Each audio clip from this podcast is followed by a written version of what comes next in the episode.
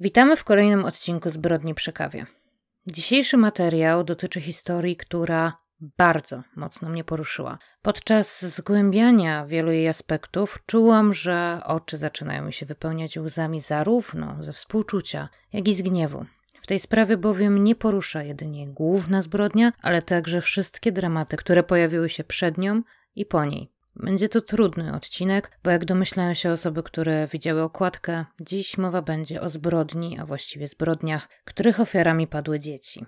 Na wstępie pragnę podkreślić, że moje gorzkie słowa, które pewnie pojawią się w odcinku pod adresem pomocy instytucjonalnej dla rodzin z problemami i działania na rzecz dzieci, które w takich rodzinach dorastają, kierowane są konkretnie pod adresem procedur, przepisów i podejścia systemu do tego zadania. Jeśli pojawi się personalna krytyka, to będzie dotyczyć jedynie pracowników, o których będę mówić. Absolutnie nie uderzam ogółem w osoby pracujące bezpośrednio z rodzinami potrzebującymi wsparcia. Mam przyjemność znać kilka takich osób i dodatkowo spotkałam na swojej drodze jeszcze kilka innych. Wszystkie one, jak zakładam, znakomita większość osób pracujących w tym zakresie, to profesjonaliści, którzy walczą każdego dnia takimi narzędziami, jakie mają, w takich realiach, jakie są wykreowane. Jest to absolutnie niezapłacona ciężka praca i jedyne, co mogę zrobić, to podziękować każdemu, kto ją wykonuje, bo jest ona no niesamowicie potrzebna, jak myślę, przekonamy się w trakcie tego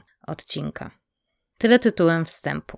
Dziś przeniesiemy się do Wielkiej Brytanii. Pierwsza część naszej historii zaczyna się 18 sierpnia 1968 roku, kiedy w Londynie na świat przychodzi Ruth Ann Gregg. Niestety, jej dzieciństwo nie należało do szczęśliwych. Jej młodszy brat, Mark, urodził się z niepełnosprawnością narządu wzroku, co oczywiście nałożyło dodatkowe wymagania w zakresie opieki i wsparcia w jego dorastaniu. Niestety rodzina sobie z tym nie poradziła i gdy chłopiec miał zaledwie rok, trafił do rodziny zastępczej. Jego kontakty z rodziną biologiczną były mocno ograniczone, ale nawet on przyznaje, że jego ojciec był bardzo zgorzkniałym mężczyzną. W jakimś stopniu jest to zrozumiałe. Podczas służby wojskowej w Japonii podupadł na zdrowiu. Po przyjęciu zastrzyków, które miały mu pomóc, okazało się, że podana substancja albo sposób jej podania miała fatalne skutki uboczne. Mężczyzna został sparaliżowany od pasa w dół i od tamtego czasu musiał poruszać się na wózku inwalidzkim. Niestety, nie miał on praktycznie żadnego związku z dziećmi, a już na pewno nie takiego ciepłego. Ruth, gdy miała jakieś dwa lata, także trafiła pod opiekę systemu. Była przenoszona od jednej rodziny zastępczej do drugiej. W końcu Ruth wróciła do domu rodzinnego. Jednak niestety, okazało się, że pobyt dziewczynki w rodzinach zastępczych nie był dla niej najlepszym rozwiązaniem. Ruth zdradzała bowiem wszystkie oznaki dziecka, które stało się ofiarą przemocy. Rodzina była pod opieką instytucjonalną i uznano, że Ruth jest dzieckiem, które może sprawiać problemy wychowawcze. Była tak zwanym dzieckiem podwyższonego ryzyka. Niestety te przewidywania okazały się prawdziwe. Jej matka dodatkowo zgłaszała, że nie dostrzega w córce oznak empatii. Trudno powiedzieć, jakie relacje łączyły Ruth z matką, bo jak wspomniałam, ojciec nie miał z nią niemal żadnych. Z pewnością jednak obydwoje nie sprawdzili się w roli rodziców. Znów ją opuścili, kiedy popełnili podwójne samobójstwo, zostawiając córkę ponownie na łaskę systemu. Nie wiem, czy odebrali sobie życie w domu, czy Ruth była wtedy w nim obecna, no i wreszcie kto odkrył ciała. Dziewczynka w swoich nastoletnich latach sięgała po różnego rodzaju używki prawdopodobnie w tamtym czasie uzależniając się od różnych substancji. Wpadła także w anoreksję. Z obydwoma rodzajami demonów długo walczyła, w mojej opinii aż do dorosłości, jednak konkretnych danych na ten temat nie znalazła. Ruth nie wpasowała się w życie placówki. Uciekała z niej, nie chodziła do szkoły. Tak jak wspomniałam, często znajdowano ją spożywającą alkohol w towarzystwie osób, z którymi udało jej się nawiązać kontakt. Dziewczyna trafiała na obserwację psychiatryczną, gdzie postawiono diagnozę, o której przyznaj szczerze słyszę po raz pierwszy i w wolnym tłumaczeniu jest to niepełna psychopatia. Sądzę, że jest to określenie, które pojawiło się w tamtym czasie, czyli jak szacuję, w latach 80., jednak później nie było stosowane, albo po prostu było jakimś takim kolokwializmem na pewien zespół symptomów. Z pewnością no, nie ma takiej jednostki ani w DSM, ani w ICD-10, czyli klasyfikacjach zaburzeń i chorób. Możliwe, że osoby z długoletnią praktyką kliniczną byłyby w stanie coś więcej na temat tej choroby powiedzieć. Jeśli ja miałabym spekulować, co się pod tą diagnozą kryło, to z tego, co znalazłam w źródłach, sądzę, że pokrywałyby się aspekty antyspołecznego zaburzenia osobowości, czyli tak zwanej socjopatii. Tutaj to często się pojawia w tych sprawach true crime, więc to myślę będzie Wam coś więcej mówić. Zaburzenie to w dużym uproszczeniu, bowiem choć posiada pewną płaszczyznę wspólną z psychopatią, to właśnie może być w cudzysłowie wrodzone w takim mniejszym stopniu niż psychopatia i być pogłębione przez czynniki zewnętrzne, takie jak przemoc, zwłaszcza ta wczesnodziecięca, brak afektu od znaczących osób dorosłych, brak bliskich i prawidłowych więzi, no czyli mówiąc po prostu, jeśli dziecko zamiast miłości dostaje jedynie chłód lub przemoc. Osoba z takimi zaburzeniami będzie miała problem z budowaniem zdrowych relacji międzyludzkich, stworzeniem głębokich związków emocjonalnych i odczuwaniem empatii. Oczywiście może także pojawić się skłonność do tendencji narcystycznych i problem z prawidłowym postrzeganiem tego, co jest dobre i złe, dozwolone i niedozwolone. Poświęciłem chwilę na omówienie tego wszystkiego, bo jest to istotne w dalszej części tej historii. Przez taką diagnozę Ruth trafiła do jednej z placówek, które z tego co zrozumiałam stanowiły, powiedzmy, ogniwo pomiędzy domem dziecka a zakładem poprawczym. Nazywały się one Salters i przebywały tam dzieci w wieku od 11 do 18 lat. W skrócie to miejsce wyglądało tak naprawdę jak więzienie. Pokoje z drzwiami metalowymi, zamykanymi na zamek z zewnątrz. Byli tam też strażnicy, no prócz pracowników tej placówki. Miały to być miejsca, w których przebywać miały dzieci ze skłonnościami do popadania w kłopoty, aby właśnie nie trafiły do zakładów poprawczych, no albo właśnie tam trafiały dzieci, które miały trafić do poprawczaka, ale że rokowały na poprawę, no to umieszczano je w tych placówkach, właśnie tych salters. Zakładam więc, że mimo tego, że tak naprawdę te placówki, tak jak wspomniałam, wyglądały jak więzienie, no to były w nich pewnie troszeczkę inne, mniej rygorystyczne zasady, może większy właśnie nacisk na jakieś terapie czy coś w tym stylu. Dzieci mogły trafić tu na obserwację na kilka dni, ale także na wiele miesięcy. Były tu dzieci, które zostały zatrzymane podczas kradzieży, ucieczki z domu, ale także prostytucji czy po próbach samobójczych lub ze stwierdzonymi myślami samobójczymi. W moim odczuciu po prostu coś tu poszło nie tak. No i osobiście nie widzę, w jaki sposób miało to tym biednym dzieciom pomóc, zwłaszcza jak trafiali tam podopieczni o tak szerokim spektrum problemów. Krótki materiał dotyczący takiego miejsca, no starczył mi, aby poczuć wielki sprzeciw przeciwko jego istnieniu i tak naprawdę brak zrozumienia, jaka była taka tak naprawdę idea niego. Sądzę, że w większym stopniu tak naprawdę służyło dorosłym i właśnie tym procedurą niż faktycznie podopiecznym tych placówek. Ruth trafiła do placówki w Peterborough, które leży we wschodniej Anglii w Cambridgeshire. I jak łatwo się domyślać, także dla niej pobyt w tym miejscu nie był pomocny. Często odpowiada agresją na zaistniałe sytuacje, groziła i atakowała pracowników i inne dzieci. Podczas jednego incydentu musiała zostać obezwładniona, by opiekunowie mogli odebrać jej nożyczki, którymi groziła innym obecnym. Także podczas pobytu w tej placówce pojawiły się u niej zachowania związane z samookaleczaniem. Kiedy miała 16 lat, opuściła Salters i poznała 23-letniego mężczyznę, który nazywa się Trevor Harvey. W 1986 roku na świat przyszła ich córka Rebeka. Dwa lata później, 4 marca 1988 roku, urodził się ich syn Ricky. To właśnie jego historia będzie stanowić główną część dzisiejszego odcinka. Związek Ruth i Trevora zakończył się w 1991 roku. Niecały rok później wzięła ślub z Dinem Neve. Para poznała się w sądzie. Ona była tam wezwana za jazdę motorem bez włączonych świateł. No i zakładam, że nie było to pierwsze wykroczenie, skoro trafiła przed sąd. Dean zaś był tam, ponieważ stawiane mu były dość poważne zarzuty dotyczące narkotyków. Po opuszczeniu sądu para postanowiła zaspokoić namiętność, która się między nimi pojawiła i udali się do pobliskiego motelu. Spotkanie to zaowocowało pojawieniem się na świecie ich pierwszej córki, Rochelle.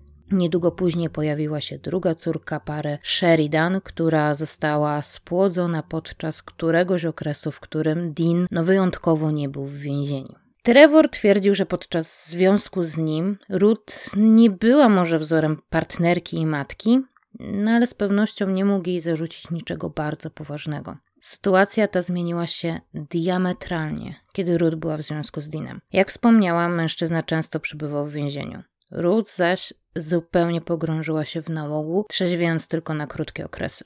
W pewnym czasie została jej odebrana najstarsza córka Rebeka. Jednak pozostałe dzieci zostały przy matce. Ruth zmieniła nazwisko Rickiego na Nif, aby posiadał takie samo jak reszta rodziny. Był to też pewien ruch, który miał z pewnością zaboleć jego ojca. Ruth bowiem utrudniała kontakt Rickiego z Trevorem i jego rodziną. I tak dochodzimy do głównego wątku dzisiejszego odcinka, czyli do roku 1994. Ruth wraz z dziećmi i Dinem mieszkają w Peterborough w okolicy, która niestety nie cieszy się dobrą opinią. Wiele w niej rodzin o niskim statusie socjoekonomicznym, gdzie pojawiają się także problemy z uzależnieniami. Choć na zdjęciach okolica wygląda naprawdę malowniczo, to niestety kryje dużo bólu, smutku i cierpienia. W tym czasie Rebeka ma jakieś 8 lat i z tego co wywnioskowałam, nie mieszkała wtedy w domu z resztą rodziny. Ricky ma 6 lat, Rochelle 3, a mała Sheridan około roku, może troszkę więcej. To także nie jest szczęśliwy dom.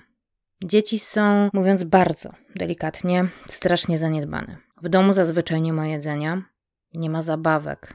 Dzieci śpią na podłodze albo na łóżkach bez materacy. Są bite, kopane, karane zamykaniem w pokoju na cały dzień bez pokarmu. Są wystawiane w samych piżankach zimą z domu. Rochelle ma bliznę na buzie po przypaleniu papierosem.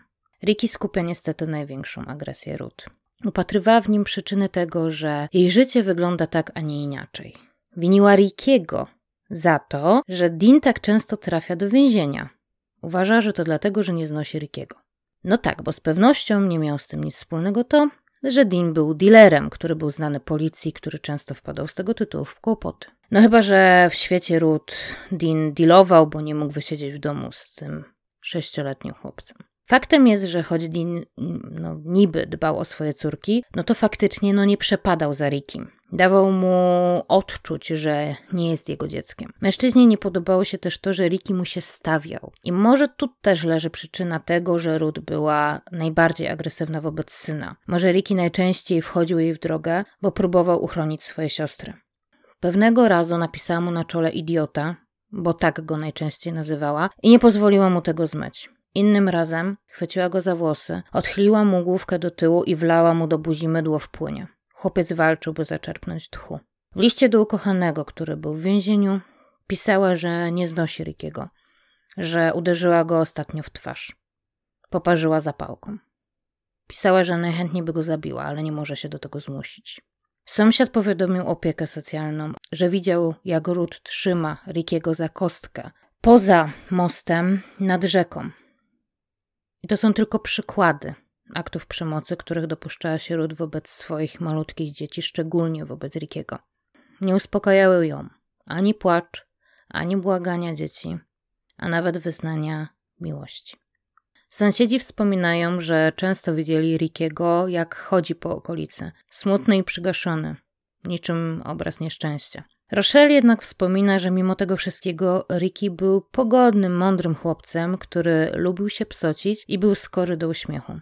Możliwe, że właśnie takie oblicze chciał pokazać swoim siostrom, bo był to kolejny sposób, by je chronić. Bo to, co pamięta przede wszystkim Rochelle, ale też Rebeka, to to, że Ricky dbał o wszystkie swoje siostry, nawet właśnie o tą starszą. Ricky nie tylko starał się je uchronić przed przemocą, ale także, gdy nie było jedzenia, wychodził do sklepu i kradł je, by nakarmić siostry. Był bardzo czysty. Lubił się myć i dbać o swój wygląd. Możliwe, że wiedział, że jeśli nie będzie wyglądać na zadbanego, to może się tym ktoś zainteresować, może po prostu była to jedna z niewielu przyjemności w życiu chłopca, na którą mógł sobie pozwolić. To on dbał też o to, aby jego siostry także były czyste i zadbane. Pomagał im się myć, czesać i ubierać. Pomagał też swojej matce. Podczas gdy musiał kraść, aby zjedli cokolwiek, ich matka wydawała duże pieniądze na narkotyki dla siebie. To Ricky po te narkotyki najczęściej chodził. Często w środku nocy. Rochelle pamięta, że czasem, kiedy szedł w ciągu dnia, zabierał ją ze sobą. Możliwe, że uważał, że bezpieczniej będzie, kiedy pójdzie z nim po narkotyki, niż zostanie z matką w domu. Kazał jej zazwyczaj czekać w bezpiecznej odległości i sam szedł zostawiać w umówionym miejscu pieniądze. Wracał do niej, a po chwili szedł odebrać ze skrytki narkotyki. Ricky nie ufał obcym. Nie pozwalał prawie nikomu się do siebie zbliżać albo nawiązywać kontakt fizyczny. Podkreślę, że Ricky miał tylko sześć lat. ale musiał nabyć taką uliczną mądrość, aby po prostu przeżyć. Ricky także sam chodził do szkoły i z niej wracał, o ile do niej dotarł. W szkole odnotowano niezwykle dużo jego nieobecności. Pojawiło się w związku z tym oczywiste pytanie: gdzie byli dorośli? Sąsiedzi, choć wielu z nich także zmagało się ze swoimi demonami, dostrzegali problem w domu rodziny Nif, nawet zgłaszali swoje spostrzeżenia. Ruth była nienawidzona w okolicy właśnie za to, jak traktowała dzieci. Rodzina była także pod opieką pomocy socjalnej. W raportach z kontroli warunki bytowania oceniano na dobre. Nie odnotowano żadnych urazów na ciałach dzieci, bo te, które zauważono, Ruth tłumaczyła wypadkami domowymi i o zgrozo wierzono jej. Rochelle ma duży żal o to. Mówi, że nawet na materiałach filmowych z domu widać, jakie warunki tam panują, że nawet ona pamięta, że w lodówce praktycznie nigdy nie było jedzenia, że najczęściej spała na ziemi. A jedyną zabawkę, jaką pamięta, to mały pluszowy miś, którego wszędzie ze sobą nosiła. Co mnie osobiście poraziło, to fakt, że Ruth opowiadała pracownikowi socjalnemu, nie wiem jakiej płci była ta osoba, że jest w takim stanie, że albo zabije Rickiego, albo siebie. Dodatkowo przekazała opowiadania, które napisała, w których znajdowały się opisy zabijania, ponoć bardzo dosadne. Wtedy Ricky został wpisany na listę dzieci szczególnie zagrożonych, a nawet trafił pod krótkotrwałą opiekę instytucjonalną, ale wracał każdorazowo pod opiekę matki. Jak znalazłam w źródłach, część dokumentów, które opisywały zgłoszenia dotyczące przemocy wobec Rickiego, zaginęło. Nie do końca chcę skupiać się, jak wspomniałam, na konkretnych pracownikach, bo chcę wierzyć, że mimo wszystkiego chcieli wykonywać swoją pracę jak najlepiej umieli, choć zwyczajnie po ludzku pojawia się w głowie pytanie, no czy naprawdę nie można było zrobić czegoś więcej. Z pewnością sprawa rodziny Nif należała do tych wyjątkowo trudnych. Ponoć jedna z osób przydzielona do tej rodziny składała informację do przełożonych, że jest to sprawa, w której potrzebuje wsparcia, bo sama nie jest w stanie jej podołać. Inna osoba składa informację, że podczas wizyty Ruth uderzyła w ścianę tuż przy jej twarzy, grożąc jej. Można więc zachodzić w głowę, jak ktokolwiek mógł zostawić trójkę malutkich dzieci z matką, która wyraźnie sama potrzebowała pomocy i która zdecydowanie do opieki nad dziećmi się nie nadawała. Jak można było zignorować panujące warunki? To, że dzieci w tak młodym wieku same chodzą po okolicy, same dbają o swoją higienę, nie uczęszczają do szkoły, Przede wszystkim jednak, jak można było zignorować, rany, siniaki i blizny na ich maleńkich ciałach. Jedyne wytłumaczenie, które znalazłam, to to, że panowała wtedy polityka, aby za wszelką cenę zostawiać dzieci przy rodzicach. I teoretycznie rozumiem, ale to też ma swoje granice, które w mojej opinii zostały tu znacząco przekroczone. No i zdaje się, że nie tylko w mojej, skoro przypomnę, Rebeka została Ruth odebrana. I oczywiście, zabranie dziecka od rodziców jest traumatycznym przeżyciem i nie należy podejmować decyzji o takiej interwencji pochopnie. Niemniej, kiedy realnie jest zagrożone życie dzieci, a myślę, że w tej sprawie to było ewidentne, no to należy podjąć właśnie takie kroki, żeby odseparować dzieci od rodziców. Nawet po to, aby pomóc ustabilizować sytuację, pomóc tym rodzicom w ich problemach, no i pracować nad ewentualnym ponownym połączeniem rodziny. Poza tym w tej sprawie Ricky i Rebeka mogli trafić pod opiekę ojca lub dziadków, może nawet ciotek. Wszystkie te osoby interesowały się chłopcem. Zapraszali go do siebie, kiedy tylko mogli, szczególnie dziadek, gdyż niestety ojciec Rickiego także nie miał zbyt stabilnego życia. Nie jest tak, że nie było innych osób w życiu tych dzieci, które mogłyby, może przy odrobinie pomocy, lepiej spełniać rolę opiekuna dla nich. W mojej opinii zdecydowanie system w tym przypadku, jak i niestety w wielu podobnych, dramatycznie zawiódł.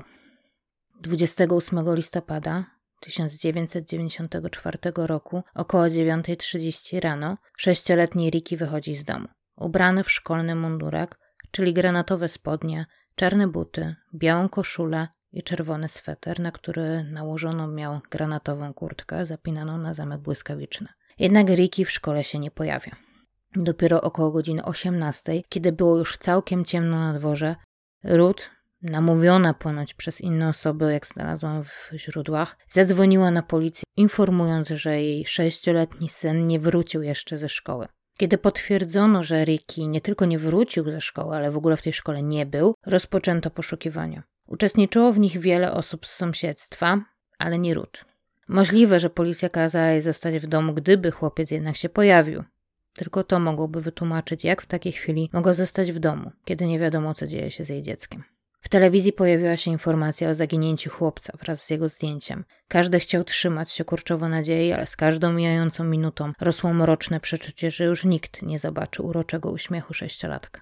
Następnego dnia, czyli 29 listopada 1994 roku, w pobliskim lasku, zaledwie kilka minut od domu, znaleziono zwłoki chłopca.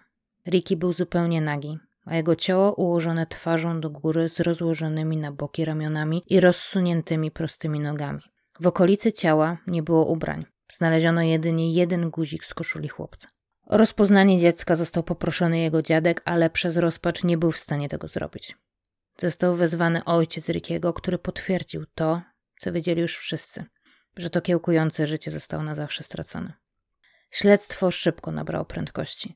Tragiczna śmierć Rickiego bez żadnych wątpliwości była morderstwem. Doszło do niej zaś zaledwie półtora roku po tragicznej śmierci innego małego chłopca, zaledwie dwuletniego Jamesa Bulger. Pojawiły się podejrzenia, że pojawił się naśladowca. Jako, że James został zamordowany przez dwóch chłopców, nie ufano nikomu. Rodzice nie wypuszczali dzieci z domu i towarzyszyli im w drodze do i ze szkoły. Autopsja chłopca ujawniła, że musiał zostać zaatakowany nagle, bo na jego ciele nie było śladów walki. Śmierć nastąpiła zaś poprzez uduszenie za pomocą kurtki Rickiego, jak ustalono na podstawie śladów zamka automatycznego na skórze dziecka. Pomimo ułożenia ciała, które mogłoby sugerować motyw seksualny, nie znaleziono śladów gwałtu. Oczywiście sprawa przyciągnęła uwagę mediów, a to z kolei wywierało wielką presję na policji, aby sprawa została jak najszybciej rozwiązana. Rozpoczęto zakrojone na szeroką skalę poszukiwania wszelkich śladów, przeszukiwano okolice i dom Rickiego. Przesłuchiwano także wszystkich ludzi w okolicy. Wkrótce znaleziono ubrania chłopca, prócz czerwonego swetra, którego nigdy nie znaleziono. W koszuli brakowało dodatkowych dwóch guzików. Podejrzewano, że zostały zabrane na pamiątkę. Na spodniach w okolicy kolana było rozdarcie, które mogło sugerować, że chłopiec był zmuszony do klęknięcia. Zebrano za pomocą taśmy klejącej próbki tkanin z każdego z ubrań oraz zebrano znalezione ślady, których właściwie nie było. W mediach pokazano ubrania stanowiące odpowiednich tych, które miał na sobie Ricky. Pojawili się także ojciec Rickiego, Trevor, który płacząc prosił o pomoc w schwytaniu osoby, która odebrała mu syna.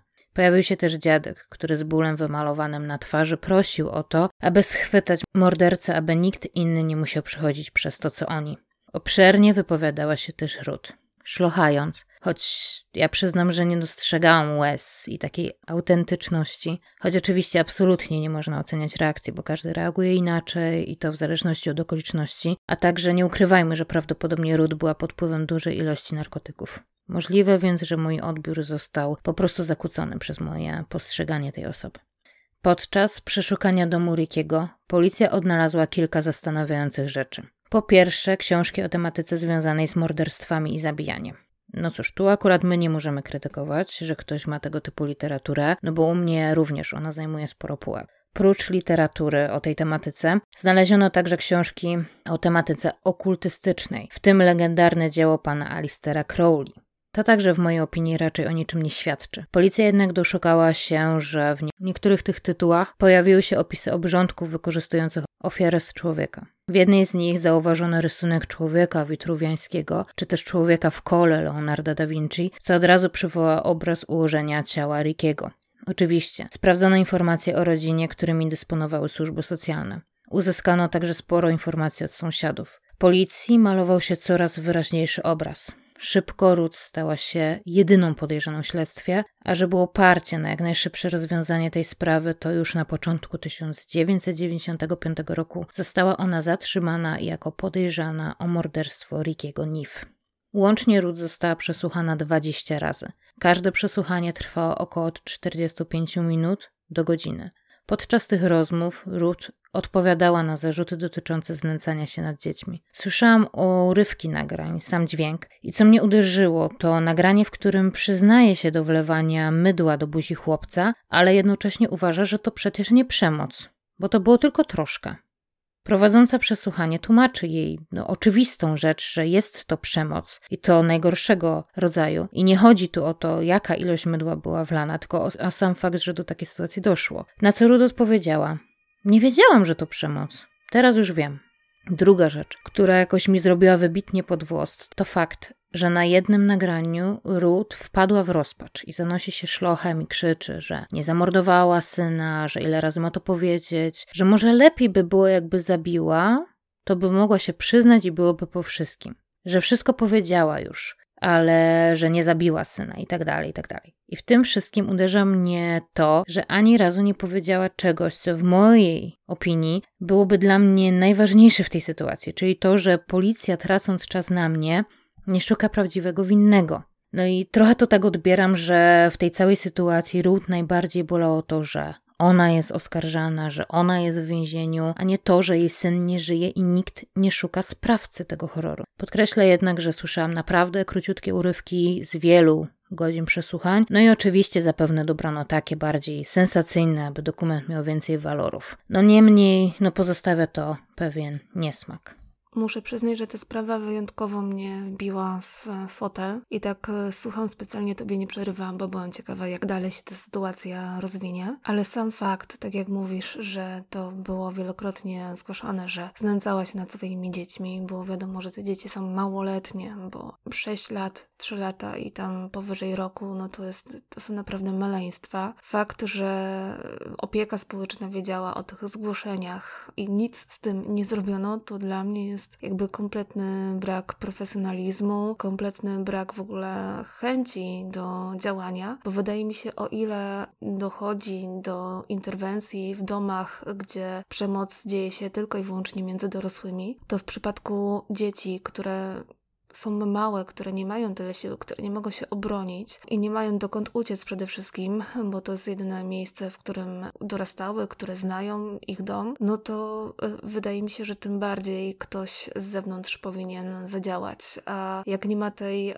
akcji, no to, to nie wiem, nie wiem, co trzeba zrobić, bo przecież to jest specjalna instytucja do tego, żeby właśnie takimi sprawami się zajmować. Nikt inny, tylko oni są do tego specjalnie szkoleni, zdobywają doświadczenie przez ileś lat lat, no i jest to dla mnie naprawdę tym bardziej wstrząsająca historia. Jeszcze dzieci, które pewnie, no, dla nas to nie jest normalne, dla nich może to było normalne, bo tylko taką rzeczywistość znały, więc y, tym straszniejsze to jest, że od w sumie pierwszych swoich dni pewnie tej przemocy doświadczały. Jeżeli chodzi o samą Ruf, Szczerze, cisną mi się na usta same brzydkie słowa, których nie chciałabym tutaj wypowiadać, bo kobieta, która nie radzi sobie z dziećmi. Wydaje mi się, że ona też ma możliwość, żeby te mm, dzieci brzydko mówiąc, oddać, tak? Są instytucje, które takimi dziećmi też niechcianymi się zajmują, czy też rodzina, która bardzo chętnie na pewno pod swój dach by przyjęła, chociażby e, Rick, który miał tatę, który ten tata chciał się swoim synkiem opiekować, a mi się wydaje, że ona po prostu jakoś może właśnie odnalazła się w tej sytuacji, bo nie dość, że mogła się wyżyć na bezbronnych dzieciach, które nie mogły się obronić, to jeszcze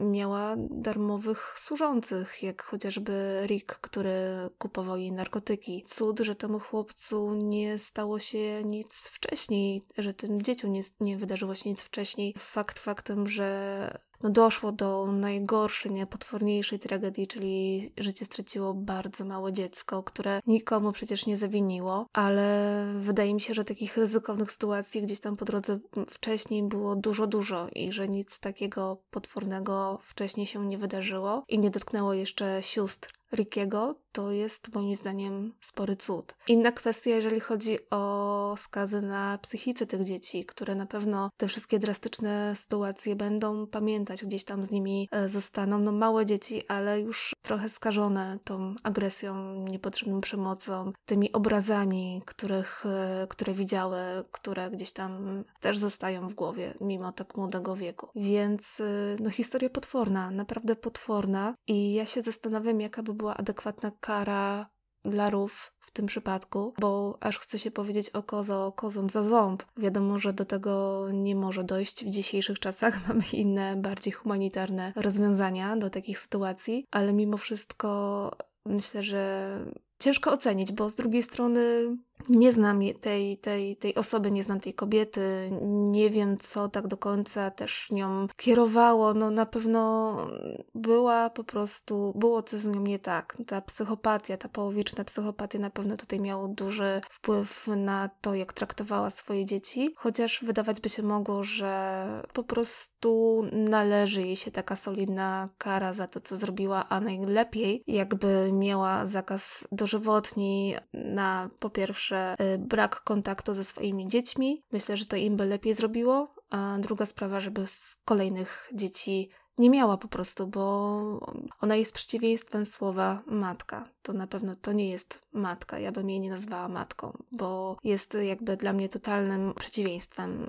y, jeżeli chodzi o to. Tu niestety mamy taki jeden ze scenariuszy, co się dzieje z dziećmi, które dorastają bez miłości, bez opieki, za to z przemocą, bardzo zmiennym środowiskiem, bez stabilizacji, bo takie dzieciństwo miała Ruth. Tutaj nie możemy absolutnie tego negować, że tak było. Tak, tylko są sytuacje, kiedy dzieci wychowują się w takich e, rodzinach, a mimo wszystko nie są takimi ludźmi później dla swojej rodziny, więc y, dla mnie to nigdy nie było, nie było argumentem takim jakby, że o, biedna, bo ona miała ciężkie dzieciństwo. To jakby absolutnie to nie jest dla mnie argument na to, co ona robiła swoim dzieciom, bo mi się wydaje, że to o wiele bardziej zależy też w sumie od, od człowieka, od tego, jakim się jest człowiekiem, a Y, wiadomo, że też y, spory wpływ ma, spory wpływają na nas nasze doświadczenia, ale w tym przypadku to nie jest moim zdaniem karta ulgowa. Mnie to nie jest tak, że to wszystko tłumaczy, że to jest, a miałam trudne dzieciństwo, to zejdźcie ze mnie, bo to absolutnie nie do tego zmierzałam. No oczywiście jako tako, że no z wykształcenia jestem psychologiem, to ja wiem, jakie mechanizmy zachodzą, ja wiem, jakie to może mieć następstwa. I oczywiście nie jest tak, że to jest jedyna droga, którą może takie dziecko pójść, bo tak nie jest, co się też przekonamy później, ale ale też tak jest, że niestety czasem powtarzane są te takie schematy właśnie, te przemocowe. I tu niestety w życiu Ruth mam wrażenie, że nie było żadnej osoby, która jej, pokazała, że można inaczej. Bo nawet te związki, w których była, nie wiem jak z Trevorem, ale to był w sumie krótki dość związek i ona była wtedy jeszcze dość młoda. No ale zdecydowanie z tym Dinem, no to nie był zdrowy związek tak naprawdę, tylko wepchnął ją jeszcze głębiej w ten nauk, bo był dostęp do narkotyków, o ile Dim był w domu. To na pewno nie było dla niej zdrowe, to na pewno nie było dla niej dobre. Ja myślę, że tutaj w jej przypadku te dzieci dzieci, mówiąc brutalnie, to z jednej strony mogło być taka, tak jak mówisz, taka karta przetargowa, żeby karać tego byłego męża, żeby mu utrudniać kontakt i tak dalej. Drugie to było możliwe, że też dla jakichś benefitów socjalnych, no bo są takie osoby, są takie rodziny i to jest przykre i smutne, ale tak może być że ona tych dzieci wcale nie chciała. No ale jak były, no to były jakieś tam dodatkowe pieniądze, które mogła wydać na narkotyki. Także tak też mogło być. Ale przede wszystkim dla mnie Ruth jest taką osobą, która lubi zrzucać winę na innych nie wyszło jej, bo to nie stało się dlatego, że to. I to też oczywiście można wytłumaczyć przeżyciami, które miała i tak dalej, i tak dalej, i tak dalej, ale nie jest tak, jak mówisz, że tego, z tego nie idzie wyjść, z tego nie idzie się wyrwać. Tylko trzeba chcieć trzeba włożyć dużo trudu, bo to jest dużo trudu, dużo pracy, a tu mi się wydaje, że tego zabrakło może też dlatego, że ona nawet nie miała żadnego wokół siebie wzoru do tego, żeby inaczej postępować. Tu trudno powiedzieć, bo każdy ma inną psychikę, każdemu jest inny bodziec potrzebny, inne wsparcie. Natomiast tu faktycznie uważam, że ród to jest jeden kaliber, który tu się pojawia, a drugie jest to, że no pozostawienie dzieci pod opieką osoby, która jest tak mocno sama z, pro, z, problemami, z którymi sobie ewidentnie nie radzi, chociażby to, że właśnie no jest w nałogu, w mojej opinii do, do tego momentu nadal zmaga się z tą anoreksją, wystarczy na nią spojrzeć, dlatego też pewnie nie odczuwała potrzeby, żeby w domu było jakieś jedzenie. To jest człowiek, który ma potężne problemy. To jest człowiek, któremu można pomóc, trzeba pomóc, a już na pewno nie można go zostawiać właściwie samopas jeszcze z trójką małych dzieci. I, I tu mam taki duży żal i gniew i oczywiście, tak jak mówiłam, ja mogę sobie wszystko wytłumaczyć, ja wszystko wiem i nie chcę też tak, że ktoś jest głupi, ma wszy na mózgu, bo po prostu tak jest bo oczywiście rozumiem te jakby przyczynowo-skutkowość i tak dalej, i tak dalej. Ja wiem też, jakie ograniczenia mają placówki państwowe i budżetowe w tym zakresie i to jest dramat. Te osoby walczą o to, żeby w ogóle mieć czas, żeby chodzić do rodzin, bo procedury, bo wszystko im utrudnia i wiąże ręce i nogi po prostu. Także ja wiem, że to wszystko jest trudne i nie chcę, żeby to zabrzmiało tak, że ja wszystkich też obwiniam, ale kurczę, ja też jestem tylko człowiekiem i przyznam szczerze, że ta sprawa mnie absolutnie poruszyła, pochłonęła i tak jak wspomniałam na samym początku, z frustracji, z takiego żalu, z takiego bólu, że te dzieci przez to przechodziły, ci wszyscy, którzy tu się pojawią, przez to wszystko przechodzili, to to jest niewyobrażalne. Ile tu można było pomóc, ile, na ilu etapach można było coś zrobić, co może by doprowadziło do tego, żeby nie doszło do takich rzeczy jak gaszenie papierosa na twarzy małego dziecka, kilkuletniego, jak podpalanie zapalniczką, aż się pojawiały bąble. No ludzie, no to nie jest tak, że to jest tylko jednorazowy incydent, tylko to jest cała karuzela przemocy. I wydaje mi się, że tutaj po prostu zabrakło takiego może podejścia szerszego, może tak naprawdę nakładu jakiejś pracy dodatkowej, a nie takiej, jak mówię, procedura, że raz w tygodniu wizyta i okej, okay, bo raz w tygodniu wizytę można wysprzątać dom, nawet w miarę być trzeźwym. Tylko cały czas bycie z tą rodziną, pomoc tej rodziny, może właśnie rozdzielenie na chwilę, ustabilizowanie tej ród, ustabilizowanie tego domu, sprawdzenie, jak te dzieci funkcjonują, czy funkcjonują lepiej z nią, czy funkcjonują lepiej, gdy są pod opieką jakiegoś, jakichś placówek. A tu tego wszystkiego, mam wrażenie, po prostu zabrakło. I doprowadziło to do wielu, wielu tragedii, bo tutaj tak naprawdę cała ta historia od samego początku, od pierwszych słów, to jest tragedia za tragedią, dramat za dramatem. Także naprawdę to jest bardzo, bardzo trudny odcinek, przyznam szczerze. Tu nie ma prostych odpowiedzi do końca i wydaje mi się, że tutaj to po prostu był taki efekt kuli śnieżnej, że zaczęło się od jednego, kolejne, kolejne, kolejne, kolejne, aż po prostu pochłonęło aż tyle osób dookoła. No ale wracając do sprawy. Jak wiemy, Prokuratura zawsze tworzy rekonstrukcję wydarzeń na podstawie zebranego materiału dowodowego. Jaki był scenariusz tego dramatu według nich? Ustalono, że Ricky prawdopodobnie wrócił po południu do domu ze szkoły. Wtedy Ruth zabrała go do lasu, bo chciała odprawić okultystyczny rytuał. Po wszystkim wróciła do domu i zadzwoniła na policję. I taką właśnie narrację przyjęła także prasa, która rozpisywała się szeroko o matce morderczyni, która poświęciła swego syna, aby odprawić mroczne rytuały. Z tak przygotowaną sprawą udano się do sądu, gdzie w 1996 roku przysięgli jednogłośnie uznali Ruth niewinną morderstwa Rickiego, ale winną znęcania się nad dziećmi. I za to drugie przestępstwo dostała karę pozbawienia wolności w wysokości 7 lat. I możecie się dziwić, jak uniewinnili ją, przecież jest tyle poszlak. Dużo wskazuje na to, że faktycznie to ona była zamieszana w morderstwo swojego syna. No ale właśnie, to są tylko poszlaki i tak naprawdę przeczą im dowody. Nie wszystkie zostały przedstawione podczas tego procesu, no ale gwoździem do trumny w tej sprawie był czas. Zgodnie z potwierdzonymi zeznaniami i ustaleniami, Ruth miałaby jakieś 40 minut właśnie w porze popołudniowej, aby zabrać chłopca do lasu, zabić go, rozebrać, ułożyć, odprawić ten rzekomy rytuał, zabrać ubrania, wyrzucić je do śmietnika oddalonego od lasu, ale także od jej domu i wrócić w porę, by zadzwonić na policję w tym czasie, który został zarejestrowany. I było to po prostu fizycznie niemożliwe.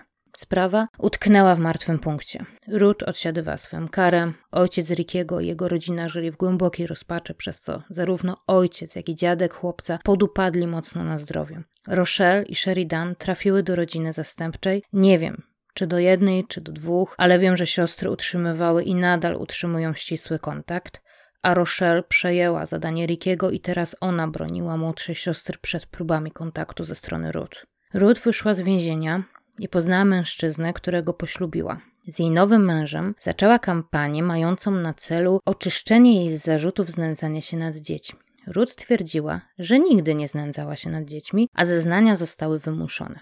Chce, aby oczyścić jej imię i chce, aby w końcu złapano mordercę jej ukochanego synka, miłości jej życia. Problem polega na tym, że czytając oświadczenie, bo ten materiał znalazłam w źródłach, brzmi trochę tak jak nastolatek, który musi przeczytać wiersz na lekcji języka polskiego. Czyli czyta beznamiętnie, bez przekonania, co chwilę wywraca oczami i robi właściwie takie różne, specyficzne ekspresje, które bynajmniej nie pomagają. No ale znów, każdy jest inny, Lud swoje przeszła, swoje w życiu zażyła, no i jest w dość niekomfortowej sytuacji podczas tej konferencji prasowej, no bo przygotowuje się na atak.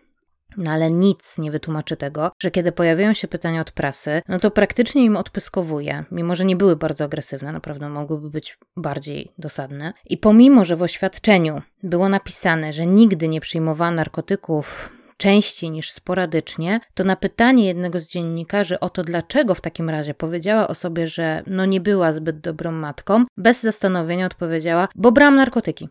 Pojawiają się także inne głupie kłamstwa, takie jak zapewnienie, że przebierała Rickiego za Boba budowniczego. No tylko problem polega na tym, że pierwszy odcinek wyemitowano równo 4 lata po śmierci chłopca. No w mojej opinii pokazuje to tylko to, że Ruth nawet nie wie, jakie bajki oglądał jej syn. Pozwolę sobie więc nie dawać wiary nagłemu nawróceniu Ruth. Sądzę, że bardziej niż na czymkolwiek to zależało jej na zachowaniu dobrej twarzy przed nowym mężem, bo sądzę, że to dla niego przygotowała całą personę niesłusznie oskarżonej i skrzywdzonej przez wszystkich kobiety. W tym miejscu powiem, że także uważam, że mogę jednoznacznie, tak jak wspomniałam, współczuć ród dziecku, odczuwać obrzydzenie do każdego, kto ją skrzywdził, ale jednocześnie kompletnie nie kupować jej banialuków i odmówić jej wiary w odgrywaną przez nią rolę złamanej matki, bo umówmy się, że matka to z niej żadna, jedynie rodzicielka, tak jak wspomniała Natalia. Gdyby Ruth stanęła szczerze przed wszystkimi, przed swoimi dziećmi przede wszystkim i przyznała, że popełniła błędy, że szuka pomocy, no i chcieć zmierzyć się po prostu z konsekwencjami swoich czynów, no to byłaby to zupełnie inna historia. I czy uzyskałaby przebaczenie swoich dzieci, czy udałoby jej się nawiązać z nimi jakąkolwiek relację, no to już byłaby ich decyzja. Niemniej byłoby widać, że dotarło do niej to, co robiła i jakie to tak naprawdę miało konsekwencje. Tu jednak widzę jedynie manipulację, by odnieść jakąś tam korzyść, nawet kosztem odmówienia swoim dzieciom prawa do wspomnień o traumie, którą im sprezentowała na progu życia. I tak jak wspomniała Natalia, to jest coś, co się niesie przez całe swoje życie praktycznie. Wspomniałam o tym, bo wiele źródeł opowiada o Ruth właśnie w takim tonie, takiej zrozpaczonej matki, którą zmuszono do tych zeznań, że była pod wpływem narkotyków, to mówiła to, co jej kazano, no i tak dalej, i tak dalej. No ale dlaczego ja mam tak mocne stanowisko w sprawie Ruth i nie daję wiary tym doniesieniom? No, ponieważ jedno ze źródeł to taki amatorski dokument o tej sprawie. I twórca kontaktował się z osobami, które mogłyby mieć informacje z pierwszej ręki o tym, co się działo, i między innymi skontaktował się z Rochelle. I połowa tego materiału to właśnie wywiad z nią, gdzie opowiada o swoim życiu i o swoich wspomnieniach. I są to wspomnienia sprzeczne z tym, o czym mówi aktualnie Ruth. Dlatego to właśnie opowieści Rochelle wierzę i to właśnie na jej opowieści się opieram. Rochelle, jak pamiętamy, była pierwszą córką Ruth i Dina. Była trzy lata młodsza od Rickiego i około pięć lat od Rebeki. To ona odmalowała obraz domu, który wam przedstawiłam. To ona opowiadała o przemocy, która ją spotkała i której ślady wciąż nosi w postaci blizn na ciele i duszy, a którą negowała jej biologiczna matka. Rochelle Ruth nazywa tylko po imieniu. To Rochelle wreszcie odmalowała obraz Rickiego jako bohatera swoich sióstr. Rochelle przeszła także własne piekło. Wczesne dzieciństwo w takich realiach, taka ilość i moc traum niestety mocno odbija się na dalszym rozwoju. Rochelle trafiła do wspaniałej rodziny zastępczej. Szczególnie ciepło wypowiadała się na temat swojej mamy, bo tak nazywa kobietę, która ją wychowywała. Opowiada o tym, jak trudno było jej przyjąć czułości, bo po prostu ich nie znała. Jak sztywniała, gdy mama chciała ją przytulić, odpychała ją. Lecz kobieta nie ustawała w trudach, by nauczyć dziecko pojmowania, bliskości. Wspomina, jak w wieku nastu lat eksperymentowała z narkotykami i alkoholem. Sprawiała wiele problemów, ale jej mama przy niej była i to jej pozwoliło pozostać na powierzchni. Kiedy pojawiły się w jej życiu dzieci, kompletnie zmieniły się jej priorytety i to one stanowią centrum jej świata. Dla nich stoczyła walkę z mrokiem, no i zdaje się, że wygrała. Nie jest uzależniona od żadnej substancji psychoaktywnej, tworzy zdrowy dom dla swoich dzieci. Dopiero jak się pojawiły w jej życiu, zrozumiała, jak bardzo niezrozumiałe i zaburzone było to, co robiła im Ruth. Opowiada, że nie rozumie, jak można celowo chcieć skrzywdzić tak małą istotę, a już całkiem jak można dziecko uderzyć, kopnąć, trzymać skórę dziecka nad ogniem, gasić papierosy na ich ciele itd. Tak nie rozumie nawet tego, co w jednym z zeznań przyznała Ruth, że lubiła patrzeć, jak jej dzieci się kłócą, a szczególnie jak się biły. Dla Rochelle to abstrakcyjne, bo gdy jej dzieci się kłócą, to ją samą to boli. Chce szybko rozwiązać konflikt, zakończyć tę sytuację, bo chce, żeby jej dzieci były ze sobą blisko. Prócz dzieci, wielkim motorem napędowym dla Rochelle było uzyskanie sprawiedliwości dla jej brata. Wspierały ją siostry Sheridan i Rebecca. Rochelle, gdy tylko skończyła 18 lat, skontaktowała się z policją, aby uzyskać wszystkie informacje w sprawie jej brata. Dowiedziała się, że ustawowo po upływie jakiegoś okresu sprawy są rewidowane w celu zweryfikowania, czy postęp technologiczny może pomóc rozwikłać sprawę lub czy rzucenie świeżym okiem na sprawę ujawni niezbadane tropy. Rochelle rozpoczęła inicjatywę na rzecz wznowienia sprawy jej brata i odnalezienia mordercy, zakładając stronę na Facebooku. W 2014 roku oficjalnie wznowiono śledztwo w sprawie morderstwa Rickiego Nif. Niestety, ojciec Rickiego, Trevor, zmarł w 2013 roku i nie doczekał tego zdarzenia. O wznowionym dochodzeniu opowiadają dwa odcinki dokumentu 24 Hours in Police Custody, sezon 13, odcinek 3 i 4. Udało mi się je znaleźć na YouTubie i wrzuciłam je w źródła, ale uprzedzam, że jakość jest bardzo kiepska. No i są zabiegi, aby film nie został ściągnięty, czyli przerwy w dźwięku, wycinki obrazu itd. Tak nie udało mi się znaleźć tego dokumentu w lepszym wydaniu, ale są dość ciekawe, dlatego tutaj podam dokładnie o jaki dokument i o które odcinki chodzi, e, no bo to z nich właśnie czerpałam głównie informacje o poszczególnych działaniach policji, właśnie badającej na nowo tą sprawę. W każdym razie policja na nowo zapoznała się przede wszystkim z aktami sprawy i zabezpieczonymi dowodami. Niestety, ubrania chłopca zostały zagubione. Ponoć znaleziono ślad, że mogły być oddane matce po wykonaniu na nich czynności, co brzmi abstrakcyjnie, biorąc pod uwagę, że była jednym z podejrzanych. Na szczęście, jak wspomniałam, zabezpieczono włókna na taśmach klejących. Udało się odkleić je bez uszkadzania i po wykonaniu analizy znaleziono DNA na próbce ze spodni Rickiego. Jednocześnie podczas zapoznawania się z aktami sprawy odkryto, jak bardzo próbowano dopasować dowody i poszlaki do scenariusza prokuratury tylko po to, aby skazać ród i zamknąć sprawę. Znaleziono dane z autopsji, które wskazywały, że w żołądku chłopca znajdowały się nie w pełni strawione płatki śniadaniowe. Co za tym idzie, jego śmierć musiała nastąpić w ciągu kilku godzin od opuszczenia domu, co oczywiście przeczy teorii, że Ricky wrócił do domu po południu i wtedy doszło do zbrodni. Na czas, w którym Ricky został zabity, Ruth miała alibi, dlatego policji zależało na tym, żeby zasugerować, że do zbrodni doszło po południu, a nie w godzinach porannych. Dodatkowo zbadano ziemię na butach chłopca. Ekspert stwierdził w pierwotnym postępowaniu i potwierdził to podczas wznowionego, że wskazywała ona jasno, że chłopiec sam wszedł do lasu, ale już z niego nie wyszedł, ponieważ jeden z tropów, które wtedy prokuratura podjęła i, i narracji, było to, że Ricky został zabity w domu i został zaniesiony do lasu.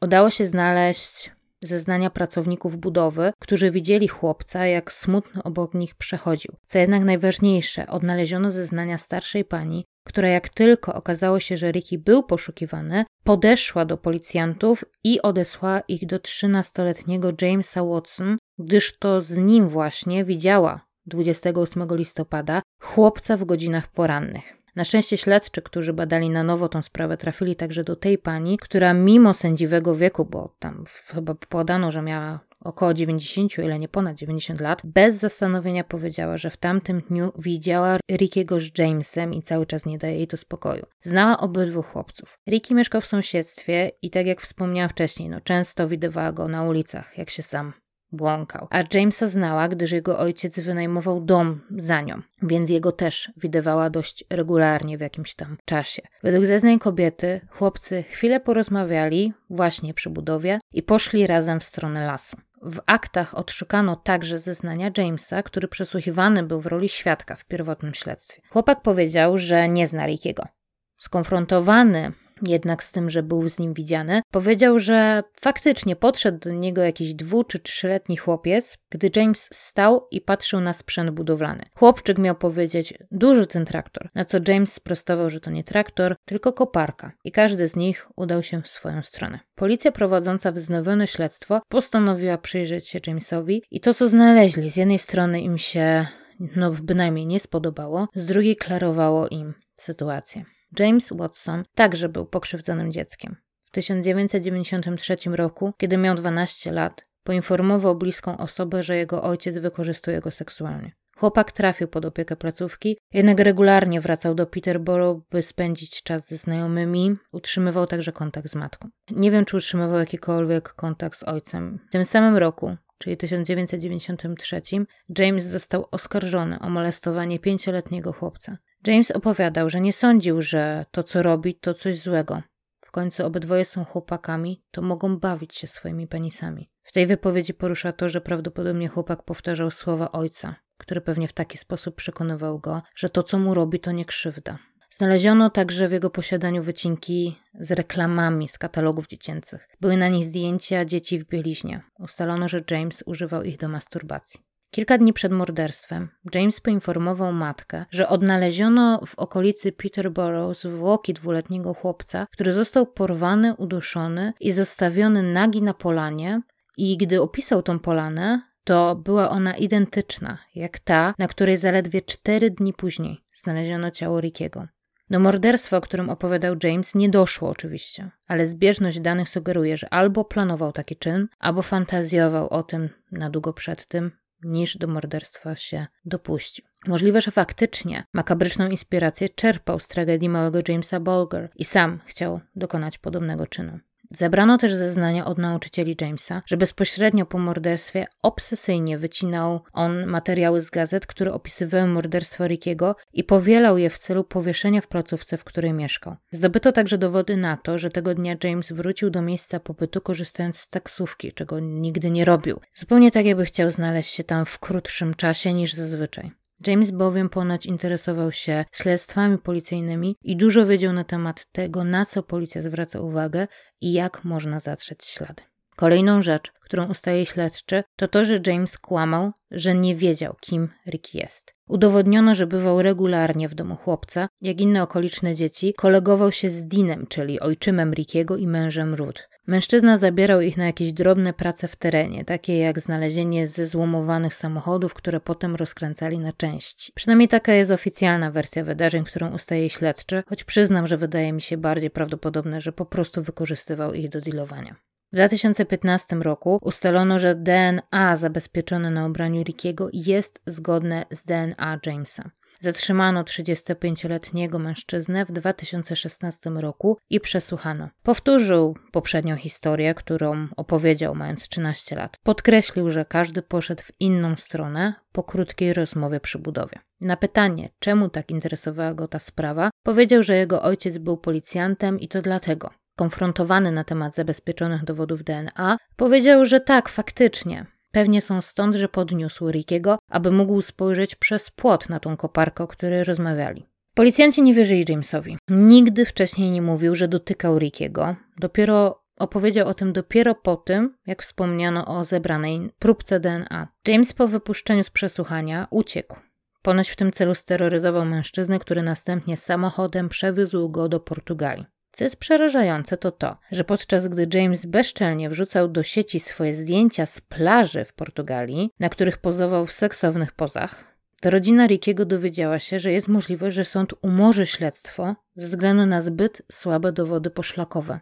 W końcu, jeśli nie udowodni się, że James faktycznie nie podnosił Rickiego, by ten popatrzył przez płot, to nie udowodni się, że materiał DNA znalazł się na spodniach chłopca w związku ze zbrodnią, a nie w całkowicie niewinnych okolicznościach. Mowa bowiem tu o DNA tak zwanym dotykowym, czyli takim pozostawionym poprzez kontakt, jednak nieuzyskanym z żadnych płynów ustrojowych. Dzisiejsza technologia pozwala na znalezienie i odzyskanie z takiej próbki kodu DNA, jednak takie DNA może zostać zostawione w całej masie okoliczności. Zdecydowanie nie jest to tak jednoznaczna rzecz jak sperma znaleziona w ciele ofiary, czy resztki śliny, na przykład, które pozostały w ugryzieniach na ciele, gdzie jasno można powiązać czynności związane z morderstwem z daną osobą. Śledczy zwrócili się do rodziny Rickiego, aby ta wystosowała pismo do prokuratury, aby kontynuować śledztwo z uwagi na wysoką ważność dla rodziny. Z tego co zrozumiałam, zwrócono się zarówno do Rochelle, jej sióstr, jak i do Ruth. Cała ta sytuacja wydaje mi się kuriozalna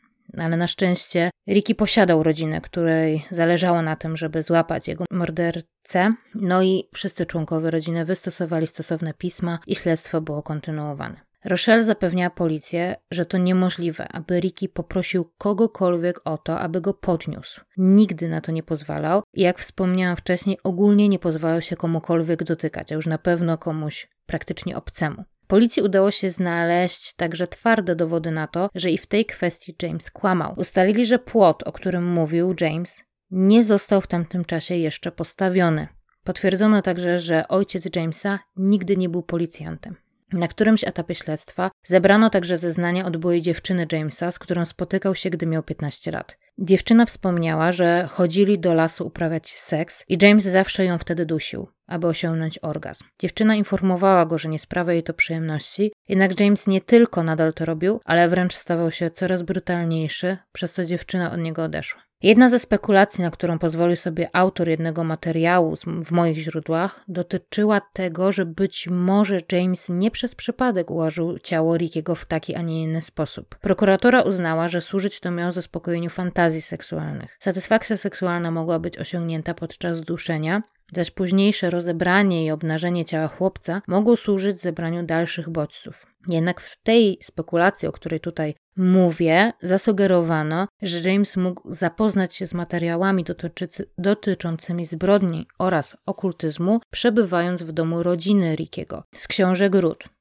Mógł nawet z nią rozmawiać na temat właśnie zabijania i jakichś rytuałów, lub po prostu chłopak spędzając tam czas zainteresował się książkami, no które zapewne w innych domach nie były częstym widokiem.